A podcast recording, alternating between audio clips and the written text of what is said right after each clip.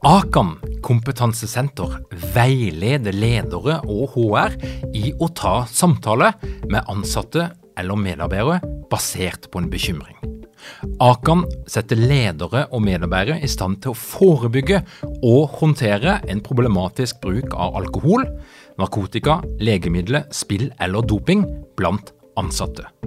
Ønsker du å lære mer om god forebygging og gjennomføring av samtale med en som du er bekymra for? Da kan du nå få tilgang på Akan sitt digitale samtalekurs til spesialpris, kun 760 kroner.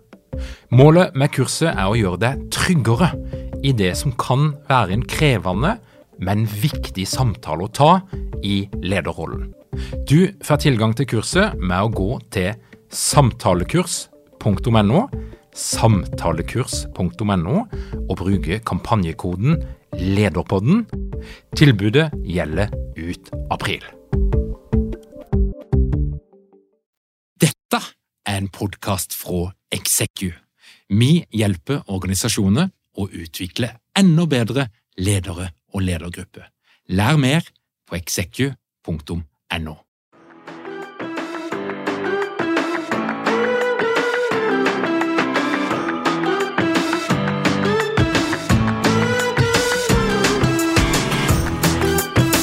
Velkommen til Lederpodden.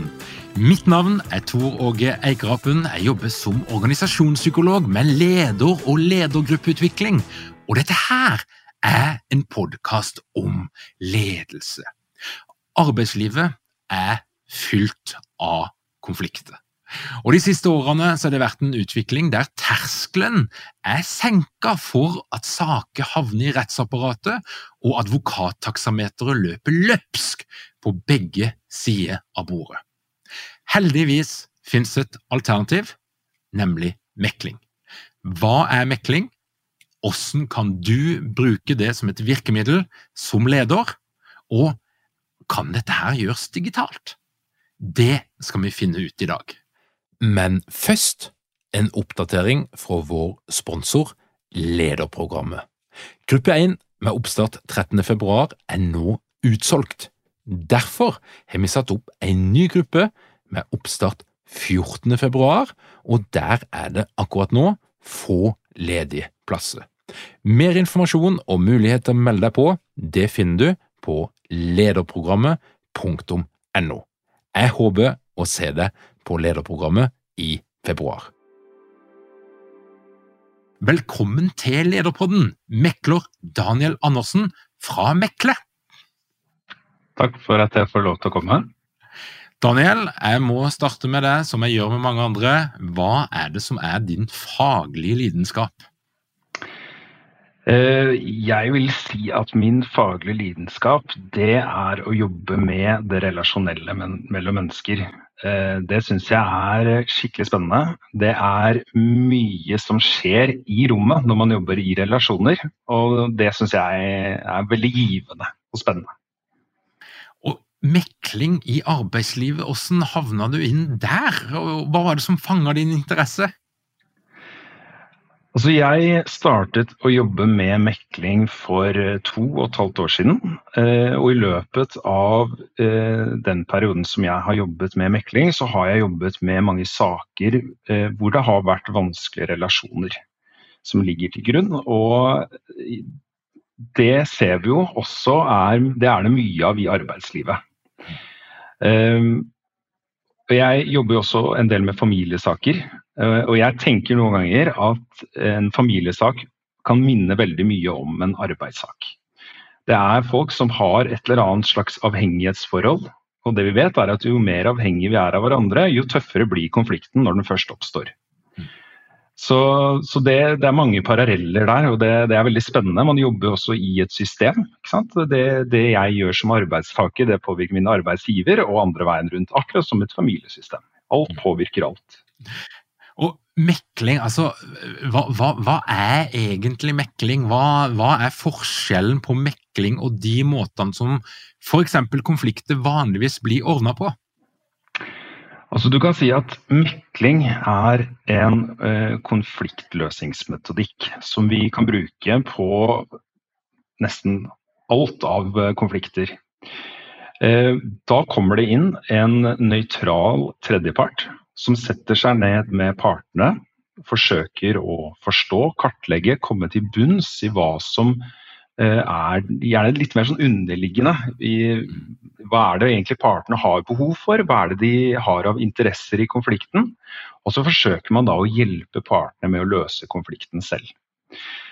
Det som er viktig når vi mekler, det er jo at mekling alltid er frivillig. Det er ingen som kan pålegges mekling. I hvert fall hvis man gjør det da sånn utenrettslig, sånn som vi i Mekle jobber med. Det er en konfidensiell prosess. Dvs. Si at det er ingen andre enn de som deltar i meklingen som skal vite om innholdet i de samtalene man har.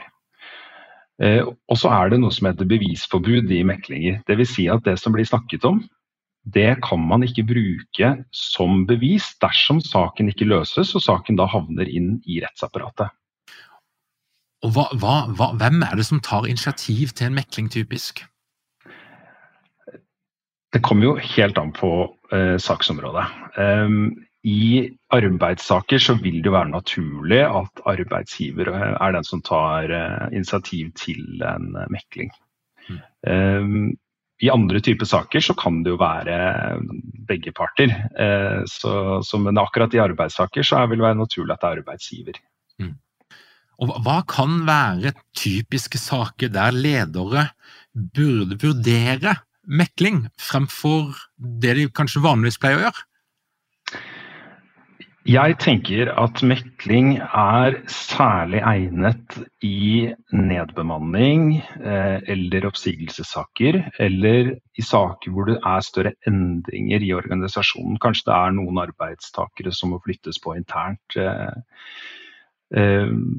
Eh, eh, og det man kan si om, særlig hvis vi snakker nedbemanning eller oppsigelsessaker, så er det jo sånn at hvis man går den tradisjonelle veien, man går til en advokat, enten om man har en intern advokat eller man bruker et eksternt advokatselskap, eh, så legges det eh, en del på lederen. Lederen må begynne å dokumentere. Lederen må sitte i møte med advokaten. Advokaten styrer på en måte prosessene rundt hva som skal skje, men det er jo lederen som hele tiden må fòre inn informasjon til advokaten. Og også gjøre en del skritt eh, opp mot arbeidstaker. Uh, og det er jo tidkrevende.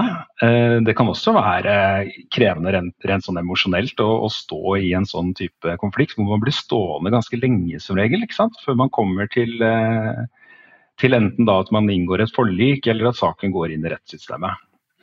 hvis vi da sammenligner det med mekling, så er det jo sånn at når vi setter oss ned med partene, så trenger ikke vi Egentlig så trenger vi ingen dokumentasjon på forhånd. Vi er jo opptatt av å få partene i dialog, prøve å forstå begge sidene av saken. Kartlegge det som ligger under, hva som er viktig for både arbeidstaker og arbeidsgiver. Og Veldig ofte så ser vi jo at det er en del felles interesser som begge parter har, som de kanskje egentlig ikke har tenkt på. Og så er det selvfølgelig noen som, eh, som den ene har og som den andre ikke har. Og så er jo vår jobb å prøve da å finne ut av hvordan vi kan skreddersy en løsning hvor begge parter får litt. Eh, og så må de også gi litt. Og Løsningen den vil jo som regel ligge et eller annet sted i midten, men den kan godt ligge litt mer opp på den ene siden enn, på den andre siden. Eh, men i motsetning da, til en rettssak, så er det jo ikke sånn at man går ut da og har en vinner og en taper. Begge vinner litt, og begge vil tape litt.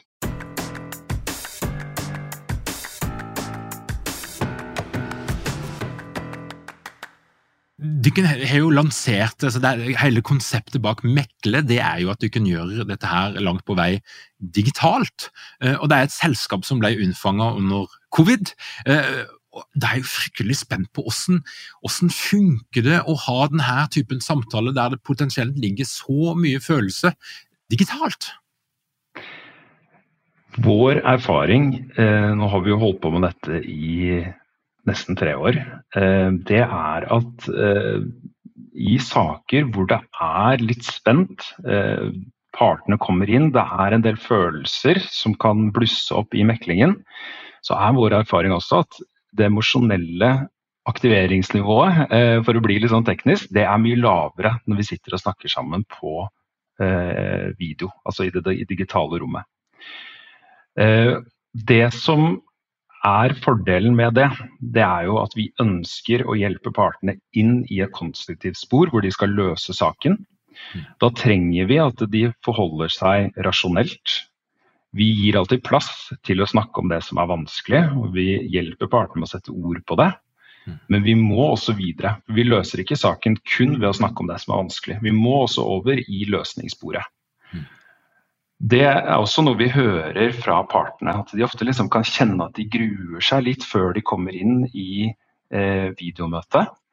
Men når de først sitter der, så kjenner de på en trygghet fordi de ikke trenger å sitte i samme rom som den andre. I tillegg så er det sånn at når vi bruker eh, videomøter, så har vi som meklere eh, veldig lett for å dele partene i to ulike rom. Det er liksom et tastetrykk unna for oss meklere. Og det bruker vi en del i saker når det enten da er veldig eh, høyt eh, konfliktnivå, eller hvis det er sånn at vi ser at vi trenger å snakke fritt med partene. For når vi snakker med partene individuelt, så er det konfidensielt. Og på den måten så kan jeg som mekler sitte med begge partene tilgjengelig og få ut masse viktig informasjon. Kartlegge hva er det som egentlig er viktig for deg, og så går jeg i det andre rommet gjør det samme med den andre parten. Og så kan jeg etter hvert da begynne å legge frem ulike løsningsalternativer som de kanskje ikke har selv tenkt på. Du opplever det egentlig som en fordel å gjøre det digitalt, hvis jeg skjønner riktig? Jeg opplever det som en fordel å jobbe digitalt. Det gjør jeg.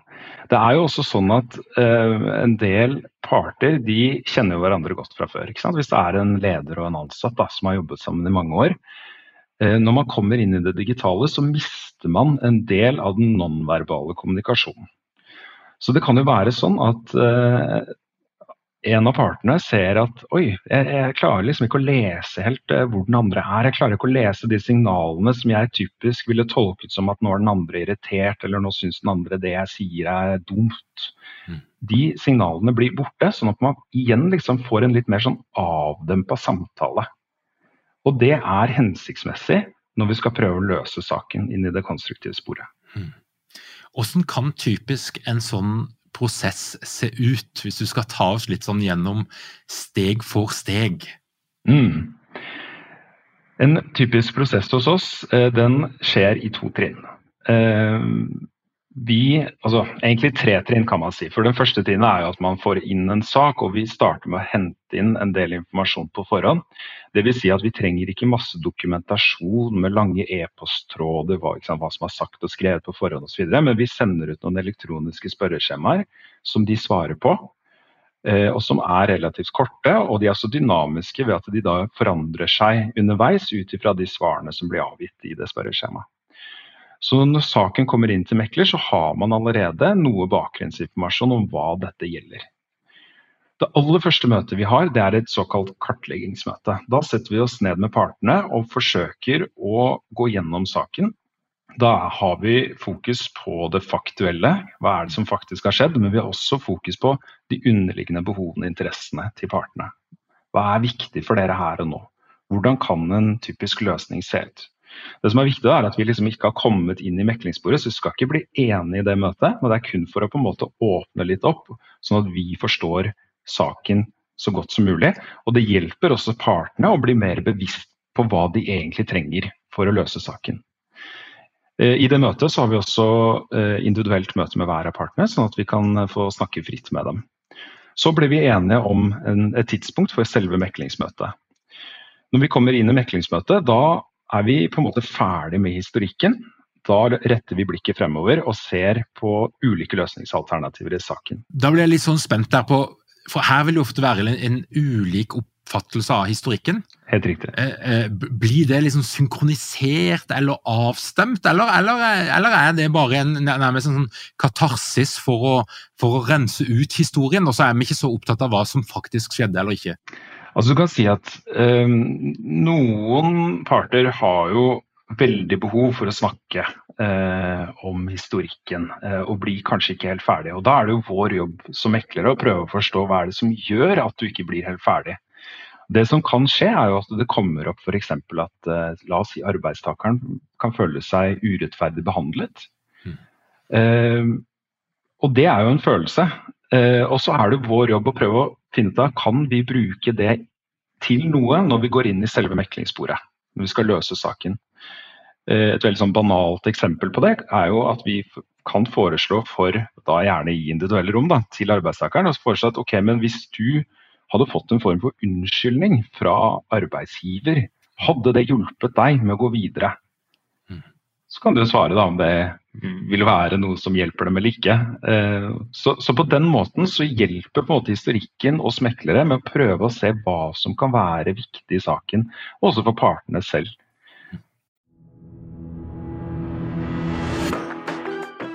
Har dere mange ledere uten trening eller utdannelse innen ledelse? Mangler dere en felles kultur og praksis for ledelse? Ønsker dere å være bedre rustet for fremtidig vekst og endring? Da kan et internt lederutviklingsprogram være en god investering. I Execu så er vi eksperter på å designe og gjennomføre bedriftsinterne lederutviklingsprogram. Hvis du ønsker å lære mer om hvordan vi kan hjelpe dykken til å få enda bedre ledere, ta og klikk deg inn på execu.no.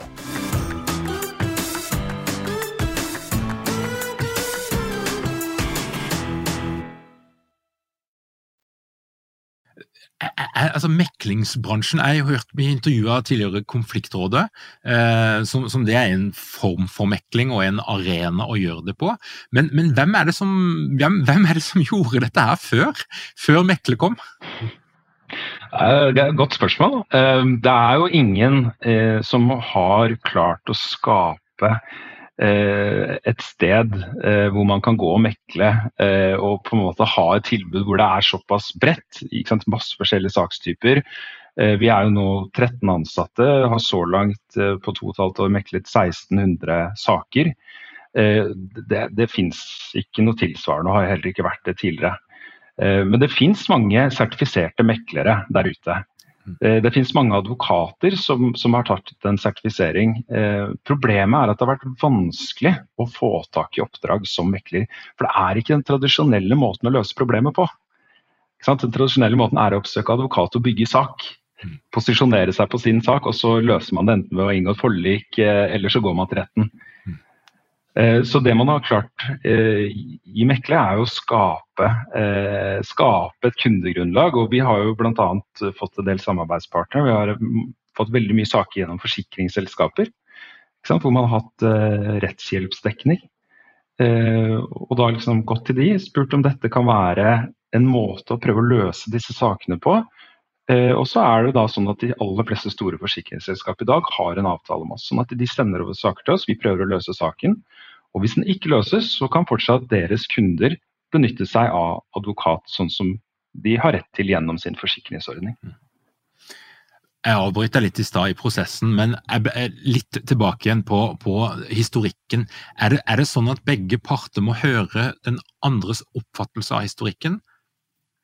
Altså, du kan si I det aller første møtet, dette kartleggingsmøtet, så pleier vi å gå gjennom historikken i en felles samtale. Uh, og Litt av baktanken med det er jo nettopp for å prøve å åpne opp perspektivene på begge sider. Se at det er flere nyanser her. Uh, noen ganger så kan det jo da bli eh, høy temperatur i møtet, sånn at vi må avslutte og gå inn i individuelle møter.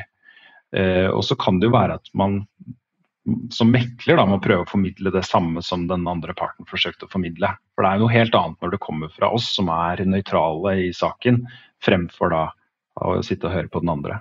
Mm. Men, eh, men, min opplevelse er at eh, når vi klarer å strukturere prosessen godt, forklare hensikten bak det vi gjør, mm. og så er det noe med at man trenger ikke å være enig. Man må ikke være enig i at din oppfatning det er den riktige versjonen av saken, hvis jeg har en helt annen oppfatning selv. Og Det hjelper jo også partene med, oss, med i dette møtet ved å si at dere har to ulike synspunkter på hva som har skjedd. Eh, og vi vil nok ikke finne ut hva som har skjedd, den objektive sannhet i saken med 100% sikkerhet. Kanskje man ville gjort det hvis man gikk til retten, men her er det viktigste å lytte og prøve å forstå. Og så kan vi godt være uenige, og så skal vi prøve å løse det. Er, er hovedmålet med meklinga å unngå eh, å komme i retten? For de aller fleste så vil det jo være det. Eh, jeg tenker jo at mekling har to eh, ja, i hvert fall to viktige eh, hensikter. Og Det ene er jo at man blir enige om en løsning. Spare tid, spare ressurser, økonomi osv. Det koster mye penger, det koster mye tid å gå inn i en rettssak. Det andre er jo å prøve å eh, få til en løsning i relasjon. Sånn at man kan, hvis det er en oppsigelsessak, at man kan avslutte arbeidsforholdet på en ryddig måte. Man kan eh, ta hverandre i hånda og være fornøyd med det resultatet. Går man inn i retten, så vil det være en vinner og en taper. Mm. Og den som er taper, vil jo ikke være fornøyd. Og hva er det som kan gå galt? Altså, Det som kan gå galt i mekling, det er jo at vi ikke løser saken. Eh, vi løser ca. åtte av ti saker. Så det er, jo, det er, jo, relativt mange saker som blir løst gjennom mekling. Eh, men så har du jo de eh, 20% da, som ikke løses. Det vi ser er at de som har vært gjennom en mekling hos oss, som ikke løser saken sin, de er stort sett veldig fornøyd med prosessen. De har kommet til et sted hvor de ble lyttet til, de fikk anerkjennelse for sin side av saken. De har også hatt en dialog med den andre parten, og kanskje de har en bedre forståelse av egen sak. Noen ganger så spisser man jo saken litt mer også i et meklingsløp.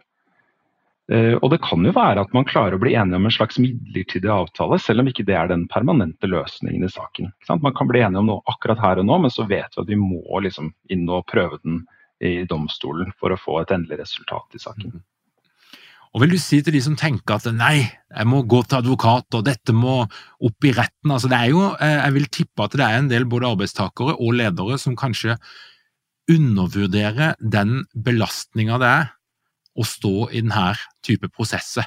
Kan ikke, kan ikke du ta altså, male det ut litt? Altså, hva, er, hva, hva, er, det som venter eh, hvis du velger den andre veien? Altså, Du kan si det sånn at eh, det er en lang prosess. Eh, veldig ofte så vil jo, hvis det er en oppsigelsessak, så vil jo eh, advokaten Hvis det er si, arbeidstaker, da, så vil man jo ofte bli rådet til å stå i stilling. Det er, sånn, det er det man ofte hører. Stå i stilling, stå i stilling, stå i stilling. Og så begynner man å bygge sak. Det vil jo da si at du skal stå i en stilling hvor du vet mest sannsynlig at du ikke skal være, eh, fordi det er eh, en pågående konflikt. Eh, arbeidsgiver vil ha deg ut. Arbeidsgiver på den andre siden skal jo ha en arbeidstaker da, som går rundt og kjenner på at den ikke er ønsket. Veldig ofte så blir jo arbeidstaker sykemeldt i den perioden, så man har jo kanskje ikke den arbeidstakeren på jobb engang. Men man har jo fortsatt et arbeidsforhold. Og så holder man på å bygge sak da, på begge sider, og posisjonere seg. Eh, før saken da eh, enten forlikes, det gjør jo veldig mange arbeidssaker, eh, ender med at man går, inngår et forlik i, i, siste øyeblikk før man ramler inn i, i domstolen. Eller så skal man jo inn der. og det tar jo mye tid og krefter fra alle involverte. Mm. Mm. Og så er det vel egentlig bare å lese avisen for å, å, å få litt innspill til hvordan sånne type saker kan gå, der utfallet kan være veldig usikkert. Helt klart. Og det er jo, vi, vi, pleier ofte å si da, i Mekle at én ting er å ha rett. Jeg har rett til et eller annet ifølge loven. En annen ting er å få rett. Mm. Så når man går inn i domstolen, så kan man jo være ganske sikker på at man har en god sak. Eh, men så plutselig da, så kommer det frem noen opplysninger fra den andre siden som viser at den saken man trodde var veldig sikker, ikke nødvendigvis er så sikker allikevel. Mm. Når du er i mekling, så har du 100% kontroll over det endelige resultatet. Det er ingen i mekling som er enige før begge parter er enige. Det vil altså si at man sitter i førersetet hele veien. Eh, og man kan også trekke seg når som helst. Det er helt frivillig. Mm. Og, hvordan kan en mekling bli brukt i ett etterkant? Altså, er, det, er, det, noen risiko knytta til, til, at du, du, sier deg enig i ting som du kanskje ikke gjør, eller hvis du skulle angre senere og kommer kanskje i en rettssak eller i en, en eller annen juridisk situasjon? Kan meklinga bli brukt mot deg? Du, du, var jo så enig når vi satt der. Det var jo så koselig å snakke med Daniel. Det er jo også en ting som uh, er viktig å huske på når man eh, velger mekling, det er jo det som heter bevisforbud. Eh, man kan ikke bruke opplysninger som har blitt oppgitt i en mekling, hvis man senere havner i en rettssak.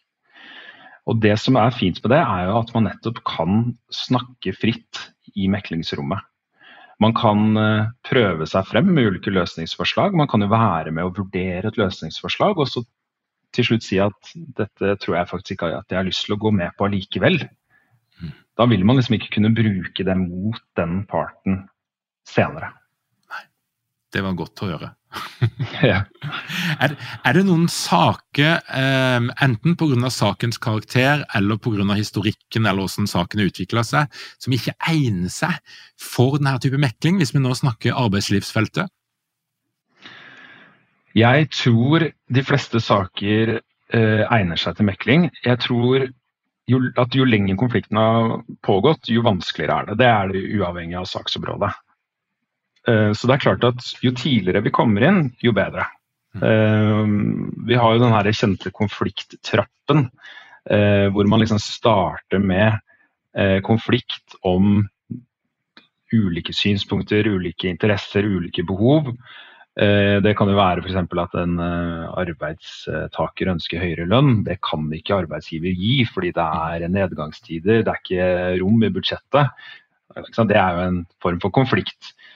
Eh, og så begynner man sant, å gå oppover i konflikttrappen hvis det eskalerer. Etter hvert så blir konflikten personlig. Det handler ikke lenger om budsjettet, det handler om at man har en elendig sjef som ikke ser meg som arbeidstaker. Eh, etter det så kommer man liksom opp i mer sånn fiendtlighet. Eh, man, blir, eh, man går til hver sin side, polarisering, og konflikten begynner å bli skikkelig destruktiv. Man snakker høyt om dette, begynner å dra med seg andre. Når det er på det stadiet, så er det jo klart at det er vanskeligere å løse konflikten. Det er absolutt ikke umulig, men det er vanskeligere enn å løse den når den er lengre ned på konflikttrappen. Det som kan være fordelen med å komme inn når konflikten virkelig har eskalert, det er at partene kan ha en relativt høy motivasjon for å løse konflikten. Nettopp fordi at det, det er såpass tøft for begge at eh, de kjenner et indre driv for å virkelig få løst det og gå videre. Og Da hører jeg jo liksom at for, for, Vår eh, erfaring er jo at der ledere trår feil når det gjelder ulike typer konflikter, så er det jo at de ikke gjør noe. Mm. Altså Den største feilen du gjør, det er å ikke gjøre noe. Ja. Um, og For meg så høres det jo kanskje ut som at terskelen inn til mekling kan for begge parter være noe lavere enn andre typer ting. Mm. Um, og sånn sett at det er en, en for ledere som har lyst til å gjøre noe. mm. Så høres det ut som at mekling kan være et lettere sted å gå enn mange andre steder. Mm. Absolutt. Det er jo en, en litt mer sånn lavterskelmetodikk eh, på mange måter enn å velge en tradisjonell advokatvei eh, som eh, kan lede inn i rettssystemet. Eh, og Vi ser jo hos oss i Mekle at uh, nå kaller vi jo vår tjeneste for uh, altså Vi heter jo Mekle, og det er mekling vi leverer, men vi ser også at det er et behov for noe som er enda mer lavterskel. Så vi driver og jobber nå med ulike modeller som vi kan jobbe etter, som kanskje skal hete noe helt annet. Mm. Eh, for veldig mange forbinder jo mekling med rettsmekling, eh, eller mekling hos riksmekleren. Da høres det veldig sånn alvorlig ut, og det er det jo ikke i det hele tatt.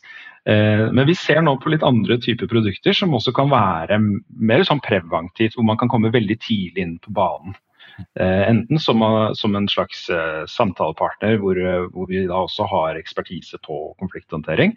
Men det kan også være å hjelpe parter som typisk vil komme en del konflikter. Mange ledere har jo, eh, har jo mange arbeidstakere og vil komme i mange situasjoner hvor det kan oppstå konflikt. Vi ser også på hvordan vi kan bedre ha tilbud til en av partene.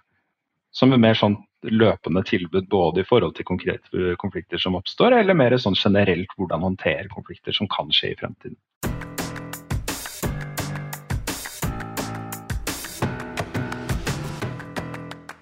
Hva er dine beste råd til ledere som eh, kjenner at de kanskje står i det som kan bli en konflikt?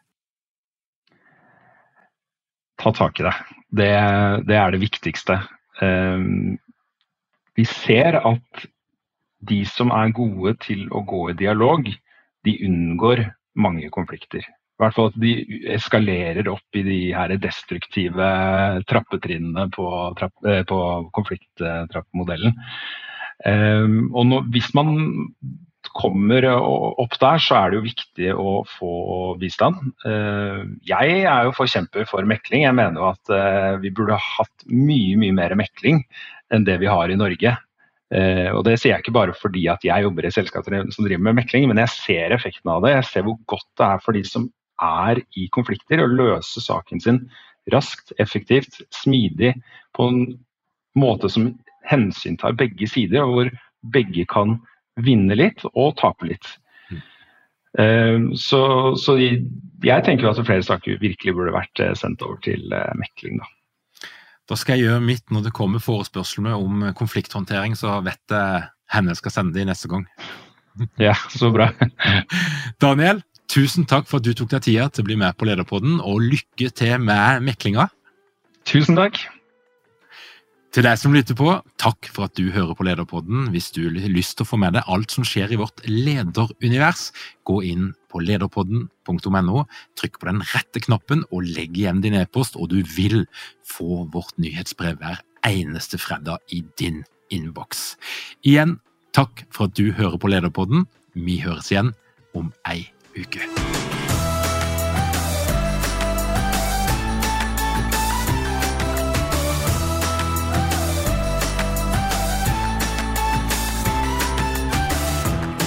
Lederpodden er gitt til deg av Execu.